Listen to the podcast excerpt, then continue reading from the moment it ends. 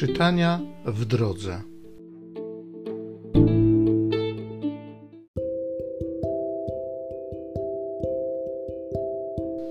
Z drugiego listu świętego Pawła apostoła do Koryntian. Bracia, aż po dzień dzisiejszy, gdy czytają Mojżesza, zasłona spoczywa na sercach synów Izraela. A kiedy ktoś zwraca się do Pana, zasłona opada Pan zaś to duch, a gdzie jest duch pański, tam wolność. My wszyscy z odsłoniętą twarzą wpatrujemy się w jasność pańską, jakby w zwierciadle. Za sprawą ducha pańskiego, coraz bardziej jaśniejąc, upodabniamy się do jego obrazu. Przeto oddani posługiwaniu zleconemu nam przez miłosierdzie, nie upadamy na duchu. A jeśli nawet Ewangelia nasza jest ukryta, to tylko dla tych, którzy idą na zatracenie, dla niewiernych, których umysły zaślepił Bóg tego świata, aby nie olśnił ich blask Ewangelii chwały Chrystusa, który jest obrazem Boga. Nie głosimy bowiem siebie samych, lecz Chrystusa Jezusa jako Pana, a nas jako sługi Wasze przez Jezusa. Albowiem Bóg, ten, który rozkazał ciemnościom, by zajaśniały światłem, zabłysnął w naszych sercach, by olśnić nas jasnością poznania chwały Bożej na obliczu Jezusa Chrystusa.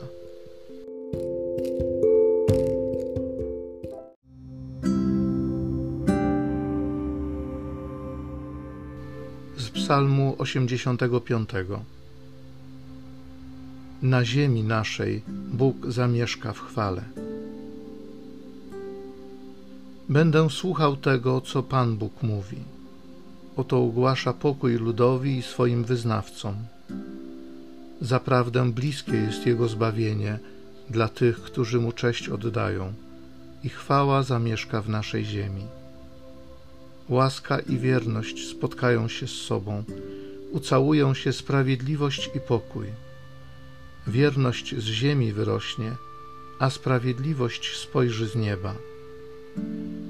Pan sam szczęściem obdarzy, a nasza ziemia wyda swój owoc. Sprawiedliwość będzie kroczyć przed nim, a śladami jego kroków zbawienie. Na ziemi naszej Bóg zamieszka w chwale.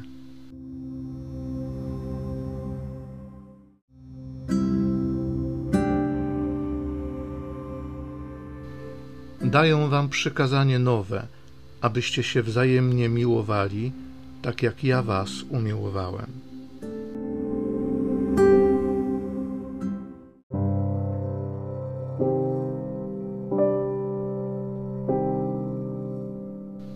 Z Ewangelii według świętego Mateusza. Jezus powiedział do swoich uczniów: Jeśli wasza sprawiedliwość nie będzie większa niż uczonych w piśmie i faryzeuszów, nie wejdziecie do Królestwa Niebieskiego. Słyszeliście, że powiedziano przodkom: Nie zabijaj, a kto by się dopuścił zabójstwa, podlega sądowi.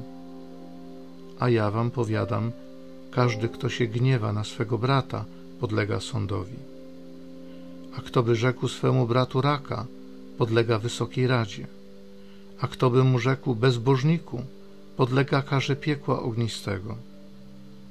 Jeśli więc przyniesiesz dar swój przed ołtarz i tam sobie przypomnisz, że brat twój ma coś przeciw tobie, zostaw tam dar swój przed ołtarzem, a najpierw idź i pojednaj się z bratem swoim. Potem przyjdź i dar swój ofiaruj. Pogódź się ze swoim przeciwnikiem szybko, dopóki jesteś z nim w drodze, by cię przeciwnik nie wydał sędziemu, a sędzia dozorcy i aby nie wtrącono cię do więzienia Zaprawdę powiadam ci, nie wyjdziesz stamtąd, dopóki nie zwrócisz ostatniego grosza.